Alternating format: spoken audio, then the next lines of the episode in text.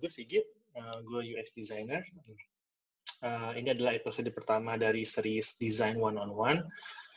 Uh, tujuan gue bikin series uh, one on one ini sebenarnya untuk belajar dari teman-teman desainer lain um,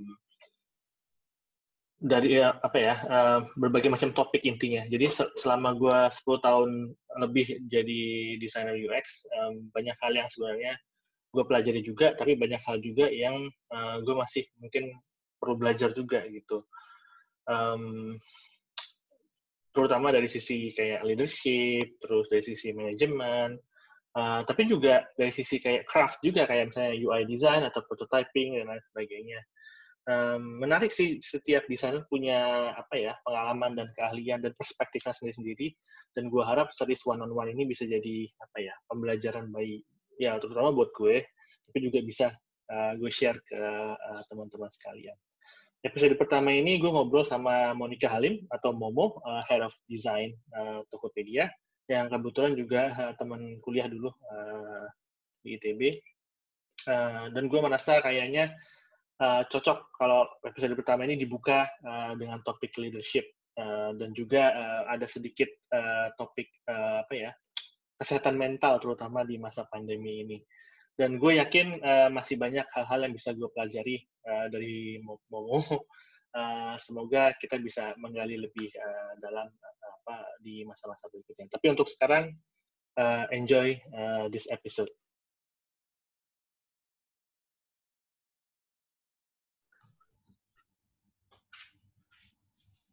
Oke, okay. halo Momo. Halo. Halo, um, udah lama nggak ngobrol langsung uh, tatap muka, walaupun nggak sebenarnya tatap muka juga sih. Iya, virtually. virtually. Ya, jadi uh, gue pengen ngobrol secara casual aja. Jadi uh, sebenarnya Momo ini uh, teman kuliah dulu ya, Mo ya. Uh, mm. Di yes. cafe di ITB. Uh, terus uh, setelah kerja kita malah nggak pernah uh, ngobrol lagi. mungkin sesekali iya. aja gitu, uh, mungkin di WA. Hmm, jarang-jarang banget ya. Aja. Um, Padahal di Terus, bidang yang sama sebenarnya. Betul, betul. Dan mungkin kayak gue sama lo mungkin hanya dua orang yang awal-awalnya tuh uh, terjun sih, ter, terjun di bidang UX kali ya. Mm -mm, um, iya di, di maksudnya di di teman di antara teman seangkatan gitu kayaknya cuma kita dan mungkin sekarang lebih banyak yeah. lagi kayak kayak ya uh, pasca gitu ya sorry mention pasca di sini tapi ya uh, kayaknya um, makin ke sini makin menjanjikan si, si profesi ini gitu dan yeah. terutama juga kayak kalau lihat Momo ya Monika ya gue panggilnya Momo uh, udah uh, jauh sih udah lu udah apa ya udah sampai tahap di mana udah kayak leader di sebuah organisasi desain gitu uh, dan nggak semua orang kayak nggak semua desainer itu uh, mau uh, dan capable buat uh, sampai ke tahap itu dan mungkin ada faktor luck juga mungkin nanti bisa sharing gimana nah hmm. mungkin sebelumnya mungkin ya Momo ini bisa kenalin diri kayak uh, sekarang posisinya apa terus role-nya apa gitu ya oke okay. Um, jadi sekarang gue heading um, apa ngelit tim produk desainnya Tokopedia. Hmm. Uh, gue join Tokopedia itu dari 2000 berapa? Lupa. 2018 akhir. 2018 akhir. Um, sekarang ngelitnya tim gue tuh sekitar 100 berapa ya? 100 130 140 orang lah mungkin oh, sampai udah ya. kayak lost count. uh, role-nya ini ya macam-macam sih gitu. Jadi uh, karena ada tim research juga, ada apa UX engineer juga, majority memang UX uh, designers gitu ya. Um, atau product designers gitu. Terus ada UI juga, ada ilustrator juga, ada copywriter juga. Jadi isinya macam-macam, makanya jumlahnya totalnya banyak. Hmm. Uh, tapi sebenarnya kalau dibagi ke tim-tim produk gitu ya sebenarnya ya cuman dua tiga orang gitu kan satu tim gitu. Cuman hmm. karena timnya uh, besar uh, tim-tim produknya banyak dan role-nya macam-macam jadi total jumlahnya agak banyak. Um, this is probably the biggest apa ya tim size yang gue juga pernah pegang gitu ya. Uh, sebelumnya sebelum ini gue di Gojek dari 2016 sampai 2018 itu uh, I think it was probably berapa ya 60 people um, itu juga macam-macam sih gitu tapi mostly waktu itu uh, UX UI terus ada writer sama ilustrator juga gitu karena tim researchnya udah udah bisa membelah diri lah gitu hmm. separate tim lagi gitu deh tapi di Gojek dulu awalnya nggak 60 ya kalau nggak salah lo pernah cerita nggak. di suatu artikel gitu lo awalnya cuman hmm. Berapa puluhan dulu awalnya awal. itu dari cuman berapa ya 6 atau 7 orang ya uh, dua oh, di Jakarta banget ya? dikit banget dikit banget jadi gue masuk 2016 itu timnya tuh baru uh, tim desainnya ya tadinya tuh yeah. tim produknya jadi satu gitu kan nyampur-nyampur hmm. kan uh, under VP apa VP produk kalau nggak salah atau VP hmm. tech ya itu ya uh, hmm. jadi waktu itu desainernya pun baru di hire kayak baru 2015 gitu loh uh, hmm. mid sampai akhir lah gitu jadi gue masuk 2016 awal tuh jadi relatif masih baru juga tim desainnya hmm. karena memang mau di scale jadi dipisah biasanya kan gitu ya kalau startup mulai yeah. dari timnya jadi satu terus makin besar hmm. makin besar makin besar terus kan mulai misah misah misah misah gitu hmm. uh, waktu itu cuman desainernya cuma dua di Jakarta sama uh, empat atau lima gitu di, di Jogja kalau nggak salah hmm. itu pun satunya ilustrator aja terus ada researcher satu di Jakarta yang baru pindah dari HR sekarang researcher itu jadi product manager. dari HR itu human resource. Dari HR, dari HR wow. ke research dia researcher pertama yang satu orang doang gitu ya, hmm. ngebantuin semuanya, nge-build hmm. produk macam-macam gitu. Um, awalnya dari enam atau tujuh orang itulah paling. Hmm. Oke, okay. ini menarik banget sih karena uh, Ya, berarti kan lo punya pengalaman uh, scaling ya istilah kerennya scaling dari dari mungkin dari 6 sampai 60 gitu. Terus uh, sekarang lo ngelit berapa ya tadi? 300 ya? Eh, sorry, 150 ya. Jangan. 300 pusing juga sih. Nggak nah, kebayang. Gue sih uh, mungkin pertanyaan uh, apa ya di sana di sana lain juga yang mungkin baru mulai atau yang udah lama juga kayak kita gitu gimana sih uh, caranya untuk bisa jadi uh, ya design lead atau jadi leader uh, yang mungkin nggak cuma ngelit ya atau mungkin awalnya 6 tapi bisa jadi 60 habis itu jadi 150 hmm. gitu. Yeah. Men menarik uh, menurut lo apakah uh, jalurnya itu harus lo uh, menurut pengalaman lo jadi dari jadi desainer biasa dulu atau individual contributor terus sampai mungkin ngelit small team dulu terus jadi kayak uh, mungkin VP atau head gitu. Atau misalnya ada faktor lain kayak lah gitu. mungkin lo tiba-tiba join startup terus jadi ya mungkin growing lagi sampai hmm. ratusan gitu. Ya yeah, what does it take to be a, a, a design leader in an organization? Yeah okay I think um, the path will be different for everyone. Hmm. um, itu pasti akan beda-beda ya kan? Um, apa ya leadership is a choice it's not just the title-nya sebenarnya ya kan hmm. yang paling penting sebenarnya itu dulu I think the mindset needs to be right dulu nih gitu ya understanding bahwa sebenarnya kalau ngomongin leadership itu bukan soal title-nya gitu karena title ya bisa aja apa ya mau jadi tiba-tiba dalam dua tahun mau jadi pakai punya title VP apa gitu sih bisa aja possible kan tinggal cari startup yang relatively hmm. small gitu and then just uh, apa pas nego-negoan minta aja title-nya gitu dapat. Yeah. Um, that's not the point. Um, hmm. gue tuh mulai mulai ngelit tim itu sebenarnya pas jadi dulu kan sebenarnya kan sampai tahun 2011-an itu ini gue agak mundur sedikit lah ya. Um, sampai 2011-an itu kan freelance um, sendiri aja gitu.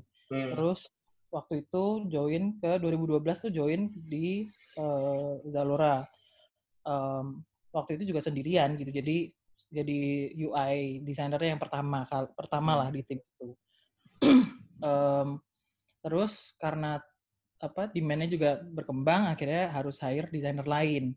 So that was my first managerial gig lah gitu ya.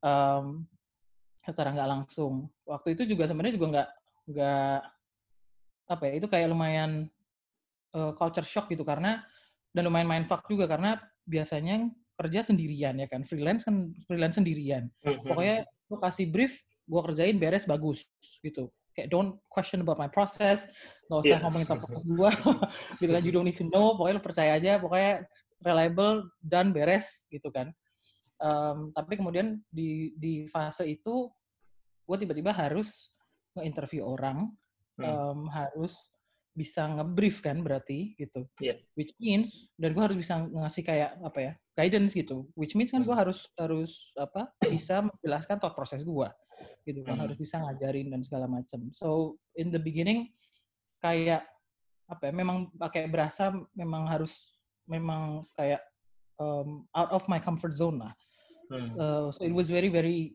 difficult dan kayak apa ya rasanya main fuck banget lah gitu karena uh, gue harus melewati apa ya hal-hal yang gue nggak pernah gue gua nggak tahu gitu kan nggak ada yang ngajarin juga mau nanya ke siapa it was 2012 gitu ya yang Hmm. UX UI juga masih masih asing Eh, artikel-artikel medium juga nggak nggak mediumnya aja kayak nggak ada deh.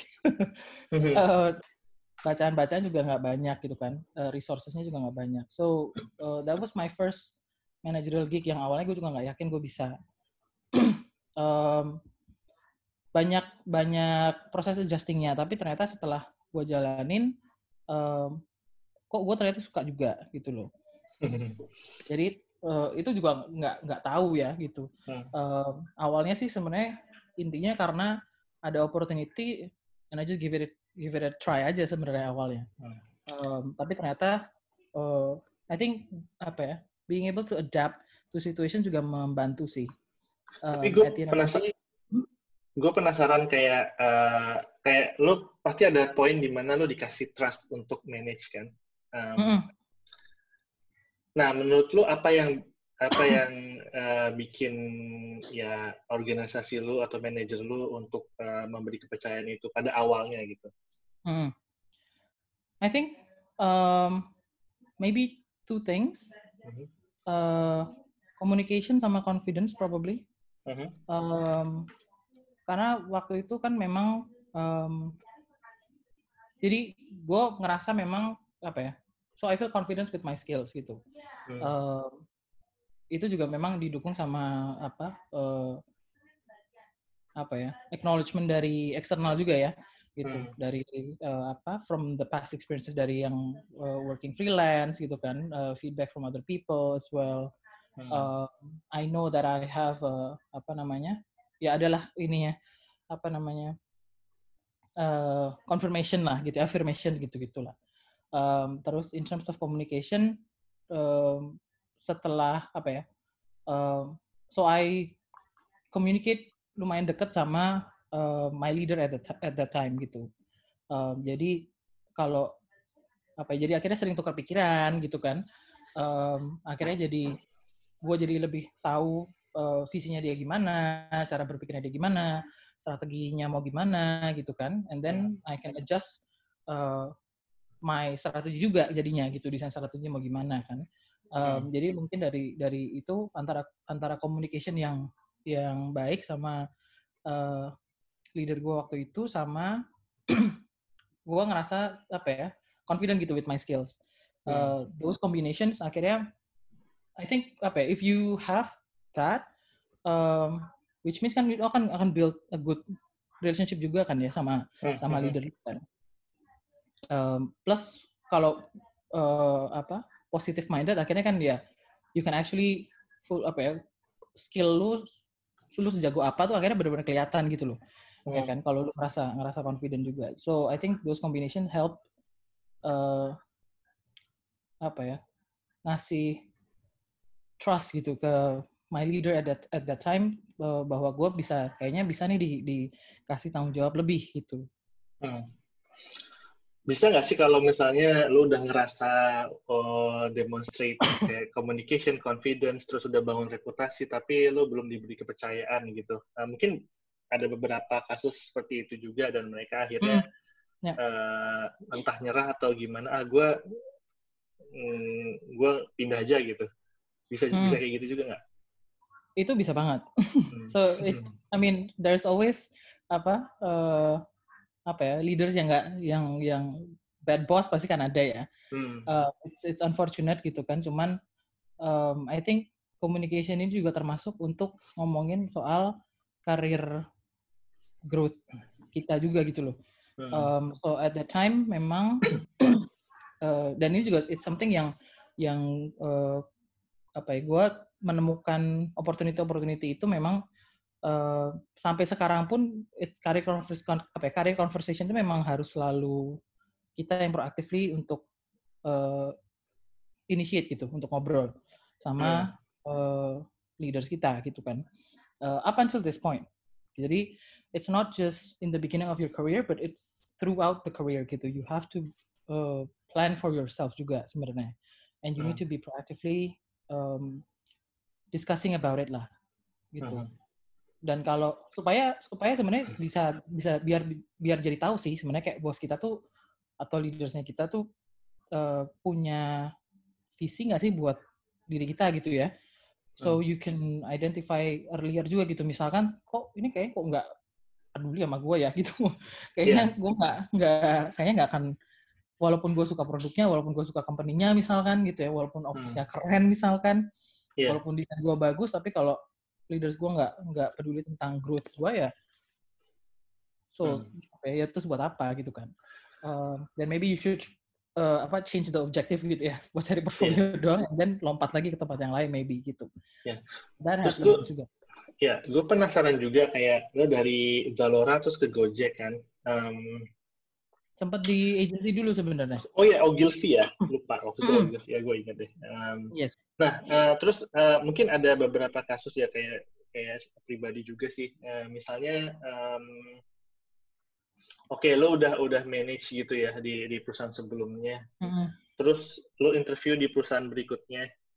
Mm -hmm gimana caranya misalnya convince atau meyakinkan perusahaan baru itu untuk menerima lo sebagai manajer juga? Karena sering mungkin uh, setiap perusahaan kan pasti ada standar yang beda-beda.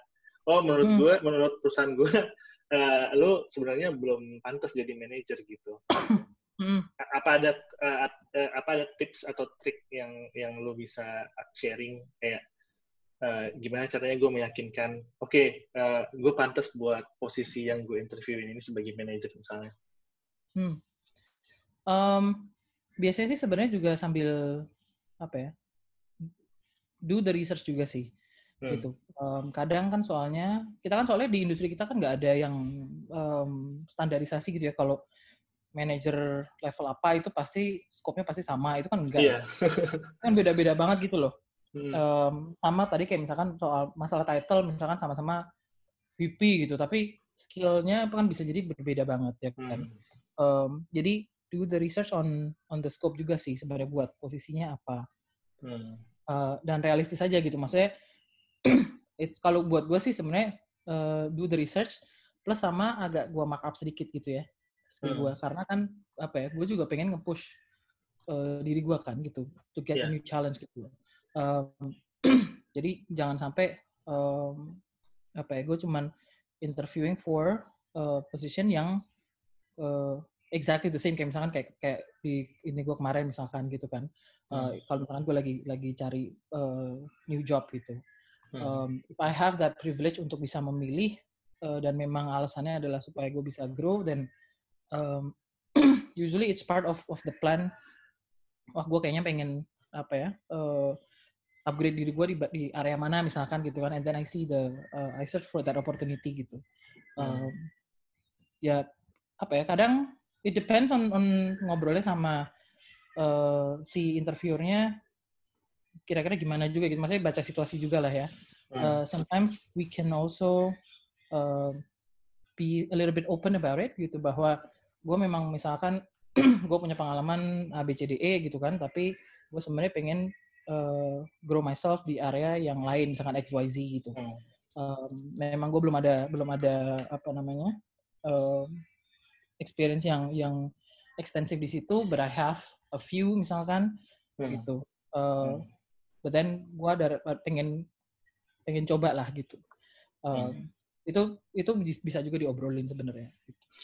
Oke. Okay. Terus tadi ada omongan soal leadership ya versus hmm. title gitu. Jadi lo bisa titlenya tinggi tapi lo mungkin um, di, di di di mata orang lain sebenarnya lo is not you're not entitled to that title gitu. Iya yeah, iya. Yeah. Um, um, ya, uh, gue pengen tahu sebagai misalnya lo hiring manager gitu ya, gimana hmm. cara cara nggali kayak misalnya oh actually he's a real atau she is a real leader gitu versus like she's just um, I mean mungkin hanya um, masalah title gitu. Gimana caranya galinya? Um, kalau gue sih sebenarnya kalau kalau lagi interview itu biasanya suka gue minta orangnya buat cerita. Hmm.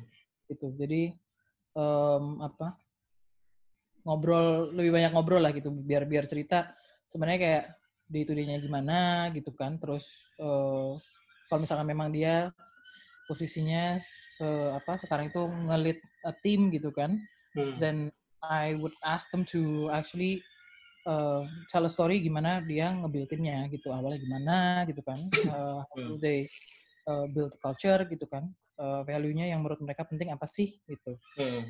nah, what happen kalau misalkan um, apa namanya there's an, an issue in the team gitu kan what kind of issue yang pernah rise hmm. uh, failure-nya di mana gitu so I can understand uh, reaksinya gimana sih prosesnya gimana gitu hmm. kalau misalnya yang lo interview itu sebenarnya nggak pernah pengalaman managing um, would you still ask the same thing atau gimana um, I would ask the same thing hmm. um, tapi kan biasanya kan dari dia cerita jadi biasanya kalau dia cerita kan menceritakan ngasih konteks lah gitu kan ya hmm. pengalamannya dia sekarang gimana terus uh, apa namanya uh, kalau memang kelihatan ternyata belum pernah ngelit tim atau pernah ngelit tim tapi in, in smaller size gitu hmm. uh, it depends on tergantung juga kayak misalkan opportunity-nya yang yang lagi ada di tim gue tuh kayak gimana gitu kalau misalkan ternyata dia baru pernah ngelit um, smaller team gitu ya, misalkan five people misalkan. Terus harus ngelit yang tiba-tiba opportunity-nya kebetulan lagi adanya yang buat ngelit 30 orang misalkan. Yeah. Um, then it's gonna be quite a stretch kan. Yeah. gitu. Jadi uh, biasanya kalau kayak gitu sih, kalau memang sebenarnya orangnya kayaknya kualitinya oke okay, gitu kan potensialnya bagus sih, I would take the I would take the chance. Hmm. Um, tapi mungkin nggak langsung di, di level itu misalkan hmm. gitu. So it's gonna be like slightly under. Um, let's give it a uh, apa uh, six months misalkan gitu kan. Tapi dengan hmm. target untuk dia nanti ke arah sana gitu. Jadi hmm. from the very beginning udah gua rencanakan uh, bareng sama tim apa internal leadership gitu kan sama uh, people dan segala macam tim people gitu-gitu udah direncanakan bahwa ini nanti akan let's give this person a, a chance to see karena kan toh kualitasnya kan juga bagus gitu ya. Iya. Yeah. uh, maksudnya kayak bakal apa ya? We see that they like this person will add values to the team juga gitu. Hmm. Um, so let's just give it a try, gitu, give mm. the chance, and then uh, tapi targetnya memang buat ke uh, role yang uh, yang tadi yang yang buat ngelit tim lebih besar misalkan gitu. Hmm. Oke. Okay. Terus gue penasaran karena uh, gue sendiri belum pernah di level head atau VP kan. Um, hmm. Menurut lo apa sih bedanya? Misalnya uh, sebagai design manager mungkin uh, lo masih operasional kan sehari-hari. Hmm. Gue penasaran sebenarnya yang membedakan antara level manager lead, manager atau lead uh, dengan versus ya versus VP atau head itu apa sih? Yang ngebedain apa tadi sorry? Yang ngebedain posisi manager uh, atau hmm. lead versus uh, head atau VP. Oke. Okay. Kalau di uh, Tokopedia, um, jadi bedanya itu lebih di scope of influence-nya, gitu. Hmm. Um, karena jadi kalau manager, karena kan timnya kan besar ya, organisasinya kan besar. Hmm. Jadi uh, kalau misalkan manager itu ngelit timnya misalkan up up to kayak uh, 10 people misalkan hmm. gitu dan kadang-kadang vertikal vertikalnya kan banyak jadi ada ada beberapa bisnis unit gitu kan terus di dalamnya bisnis unit kan ada beberapa vertikalnya lagi gitu hmm. ada beberapa uh, apa tim lagi kan gitu jadi bedanya ada di scope-nya which means um, saat di level head atau VP itu berarti harus across Tokopedia gitu. Uh, impactnya harus yang ke uh, apa ke across company ya apa across teams yang ke company-nya lah gitu.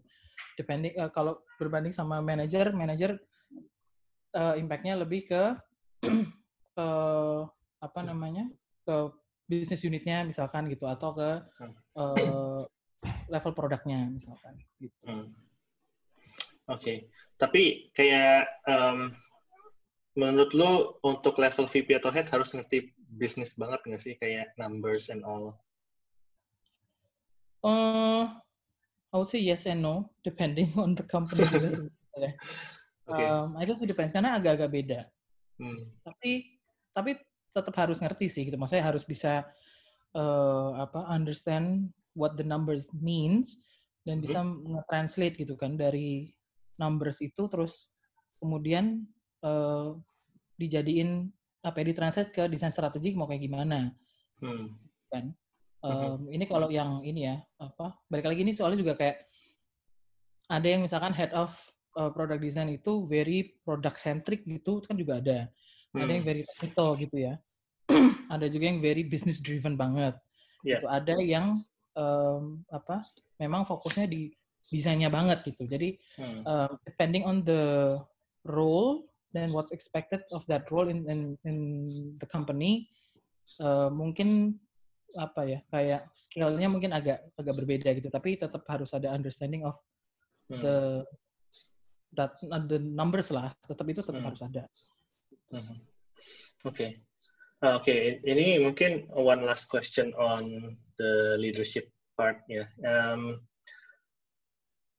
ketika lo berada di atas gitu ya, maksudnya hmm. mungkin lebih kayak melayani gitu ya, bukan dalam mesti di atas. Hmm. Kayak lo level VP atau head gitu, um, lo gimana caranya uh, berinteraksi dengan semua tim yang 150 ini gitu, or, or do, don't do you not even interact with each and one of them? How do you? What is the strategy? emang challenging sih gitu dan gue uh, dan kadang tuh kangen dan sebenarnya kadang-kadang jealous juga gitu kayak um, yeah. orang-orang yang di punya timnya yang lebih kecil gitu ya atau bahkan sama yeah. sama kayak leader-leader gue sendiri tuh kadang gue honestly jealous gitu karena yeah. mereka bisa bisa deket bisa akrab sama timnya gitu kan yeah. Iya. um, karena gue juga pernah mengalami gue pernah mengalami di ngelit tim yang kecil gitu dan dan deket banget gitu so hmm. sekarang gede banget gitu kan. Hmm. But then also um, apa ya? Memang nggak bisa nggak bisa uh, ngobrol langsung sama semuanya juga nggak bisa pasti. Gitu. Hmm. Kalau gue sih ngakalinnya, jadi kan um, ada one on one yang memang sama uh, jadi yang direct sama yang direct report gue kan. Jadi hmm. pokoknya kalau leaders tuh semuanya uh, langsung gue memang mau uh, interaksi langsung gitu.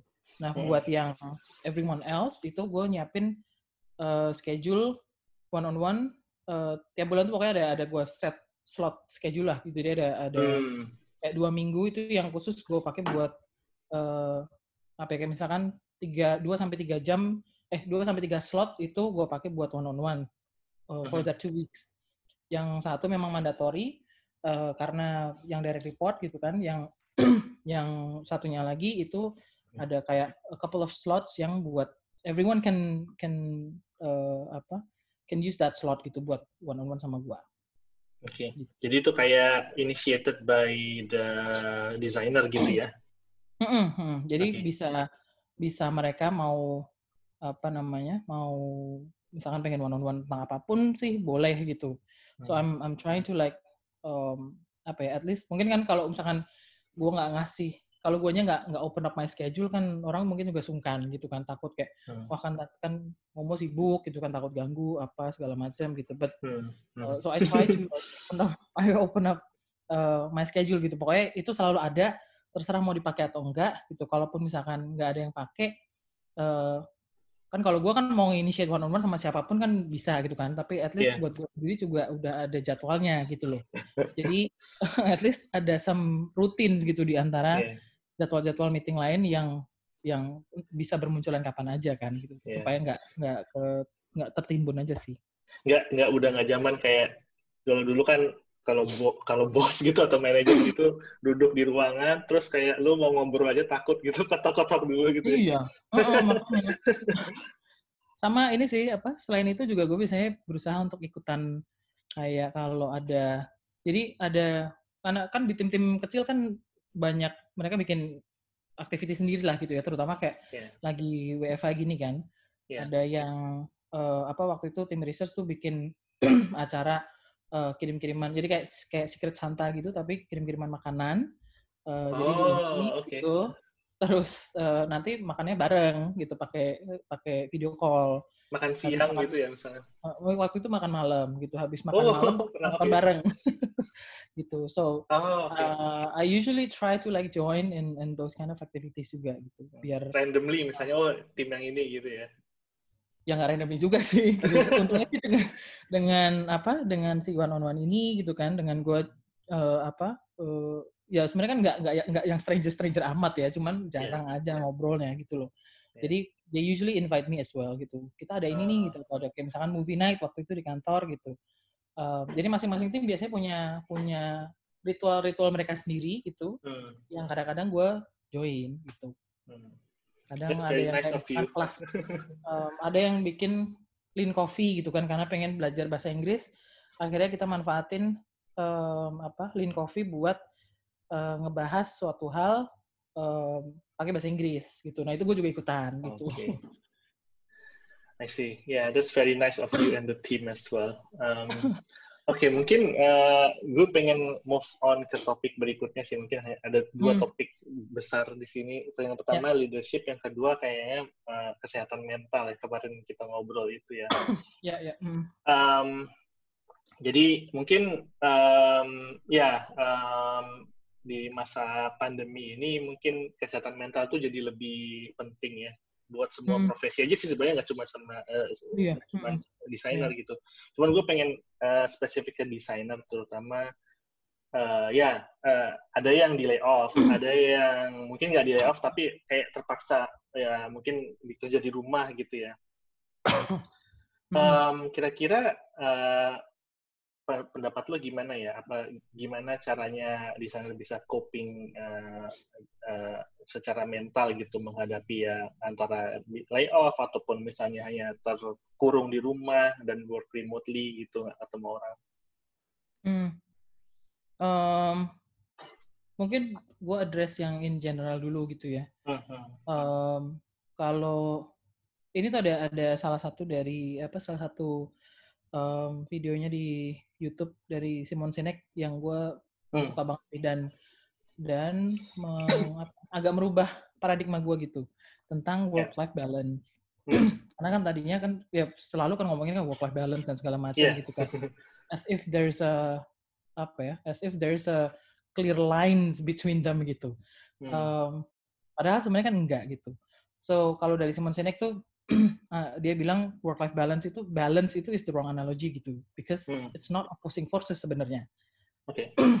gitu. So um, gua yang di yang di kantor sama gua yang di rumah is the same person gitu kan, cuma beda baju, beda beda tempat duduk misalkan gitu kan. Betul.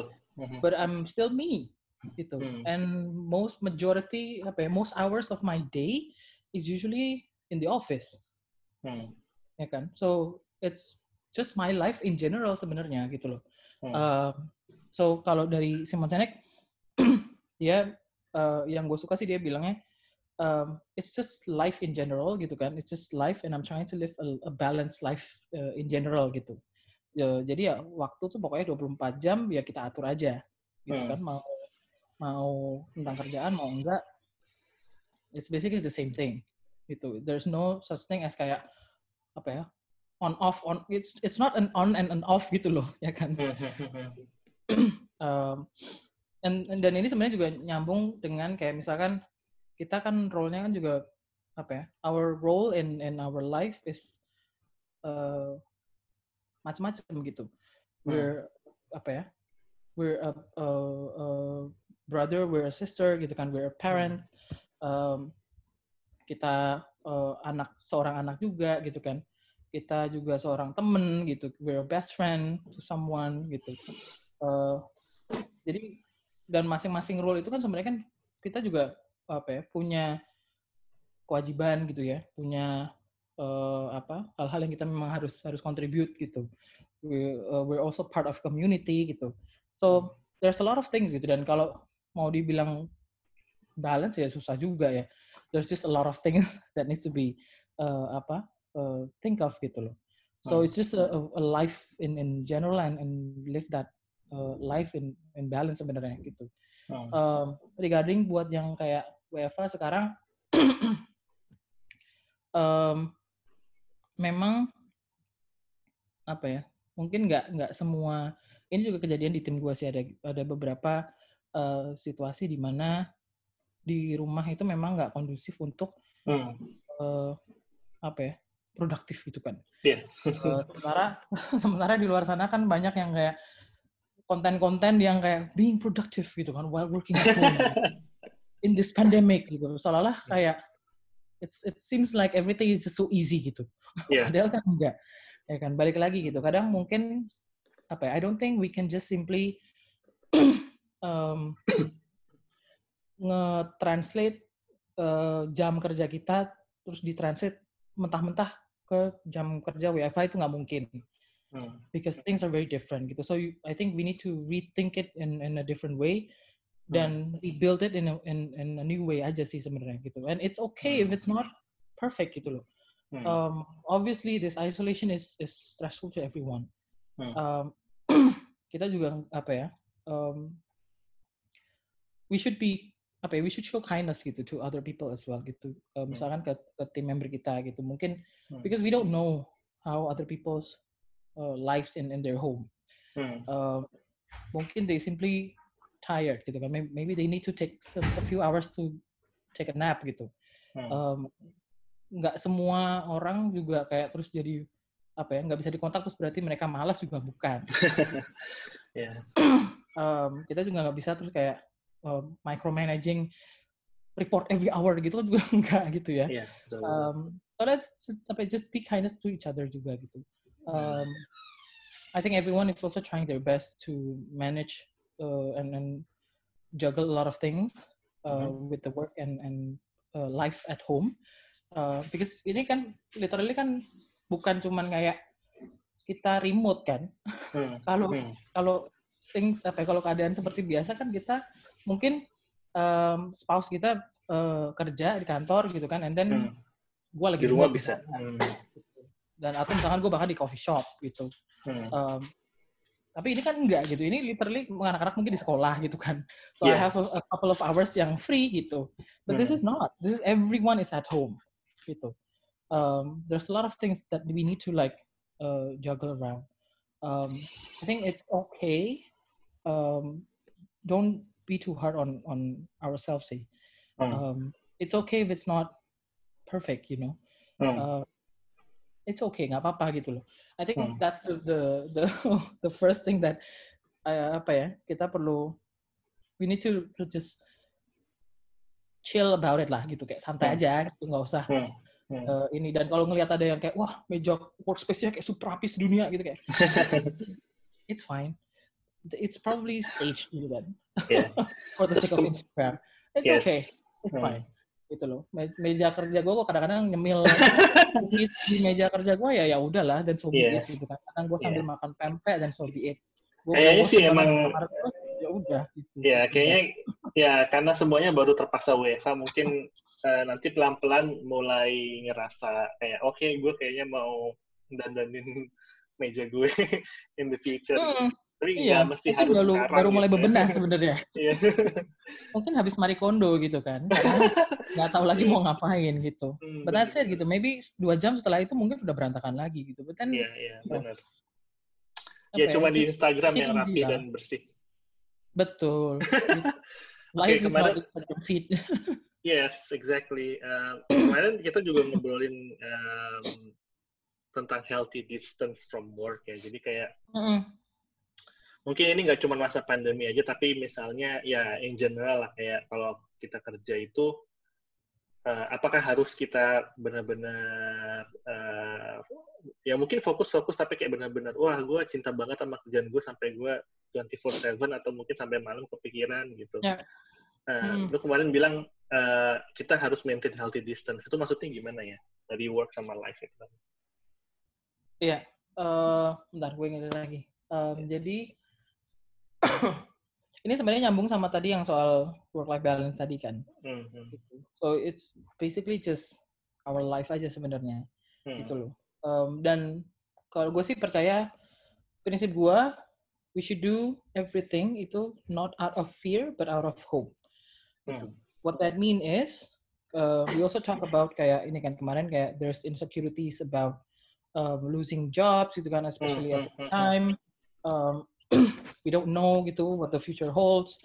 Uh, mungkin kita baik-baik aja sekarang, gue juga nggak tahu gitu kan. Nanti yeah. next month maybe uh, I don't know the company closed down, who knows yeah. gitu. Betul. Uh, there's so much uncertainty right now, but hmm. balik lagi gitu. My my prince one of my principle is that every decision that I make, everything that I do, it has to be out of hope and not out of fear.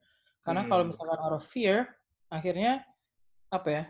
You're basically just anchoring yourself to a fear gitu which apa ya uh, fearnya kan tentang banyak hal yang kita nggak bisa kontrol yeah it just doesn't make sense gitu mm-hmm. I know maybe this is hard uh, for a lot of people to to apa ya, snap out of that mindset gitu but mm-hmm. this an exercise that we at least I try to do every single time gitu um, yeah.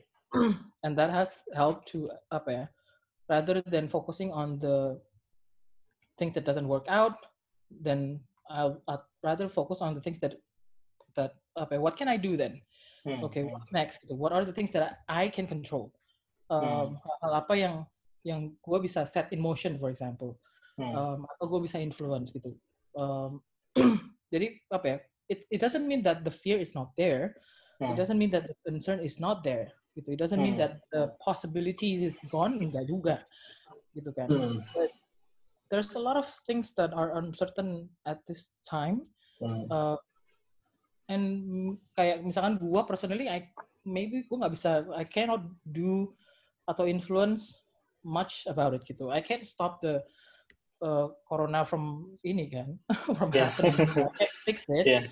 I, gua juga nggak bisa kayak misalkan apa namanya, if there's a problem in in my company gitu, gue mungkin juga nggak nggak in full capacity untuk untuk bisa nge-solve itu gitu but then in balik lagi kayak mindset gue lebih ke kayak what is it that I can do gitu in my hmm. capacity right now in hmm. my role uh, with the uh, resources that I have with the hmm. uh, apa uh, kemampuan gue gitu kan uh, hmm. apa yang bisa gue lakuin gitu so I think itu juga juga penting gitu untuk um, apa ya supaya nggak nggak terpuruk gitu ya uh, yeah karena ya kalau enggak kayak rasanya kayak everything is just uncertain dan kayak sedih banget gitu loh.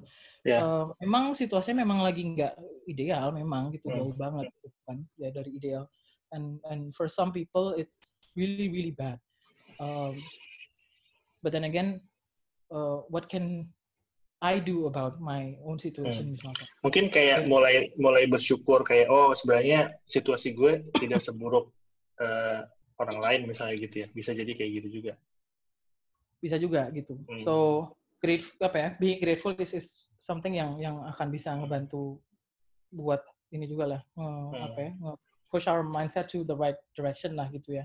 Hmm. Um, but sometimes maybe for some people situasinya memang lagi like really really bad sampai kayak it's it's very hard gitu to to be yeah. to feel grateful gitu ya.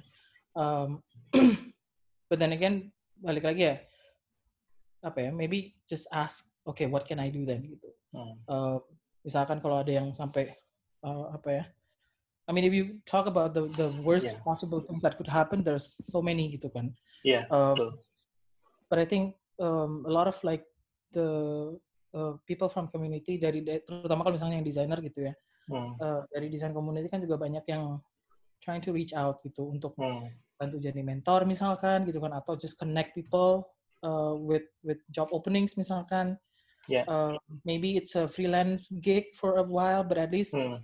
um, apa bisa menyambung hidup dulu gitu ya. gitu. Um, so apa ya? I think this is not the time to uh, stay in dan jadi malah apa ya? Jadi I know it, it's hard lah gitu.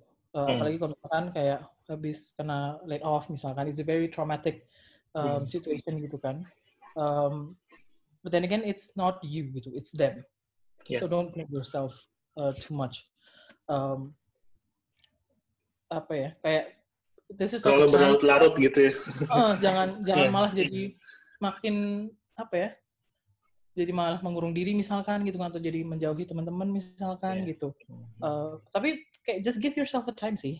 Um, yeah, jangan terus jadi denial kayak enggak gue kuat gitu kan gue bisa itu okay. ya mungkin kalau sedih sedih aja ya bilang aja gue sedih atau gue frustrasi mm. tapi mungkin try to manage it gitu ya iya nggak apa-apa sih kasih just give yourself a time lah eh, apa ya um, apa pun yang yang habis lu alamin mau se parah apa pun gitu ya just give yourself a time gitu to let it feel what it needs to feel gitu hmm.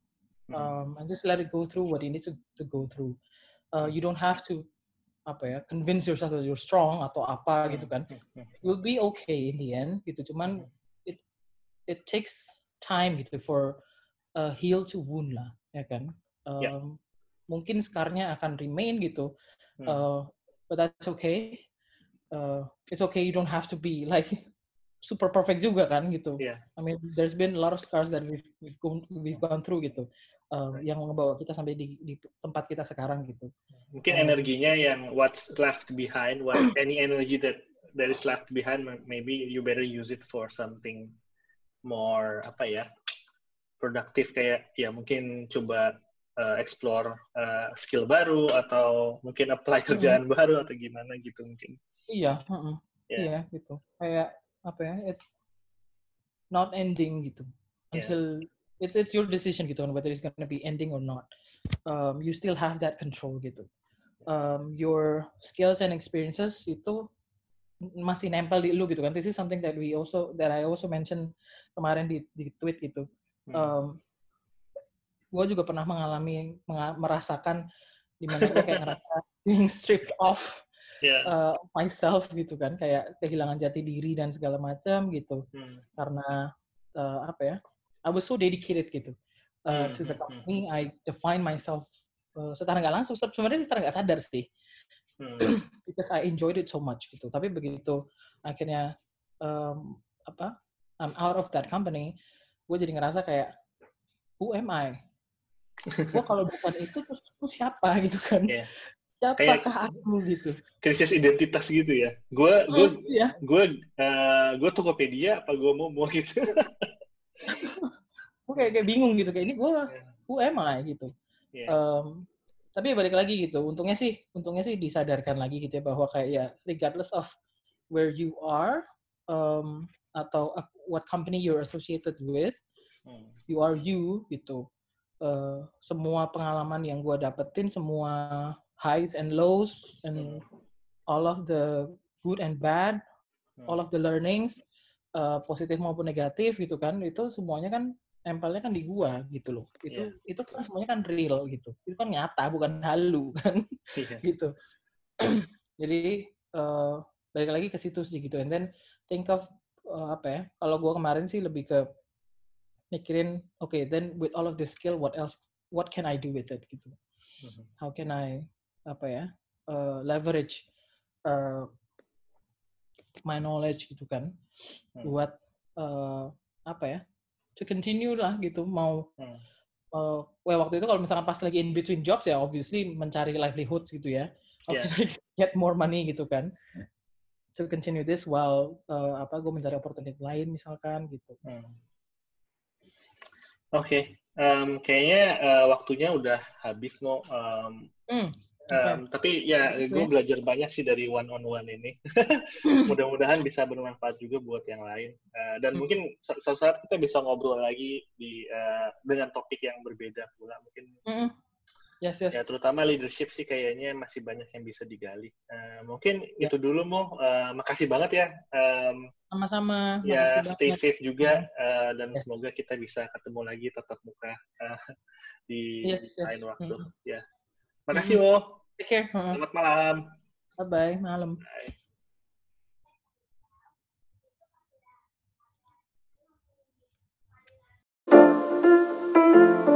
Thank you.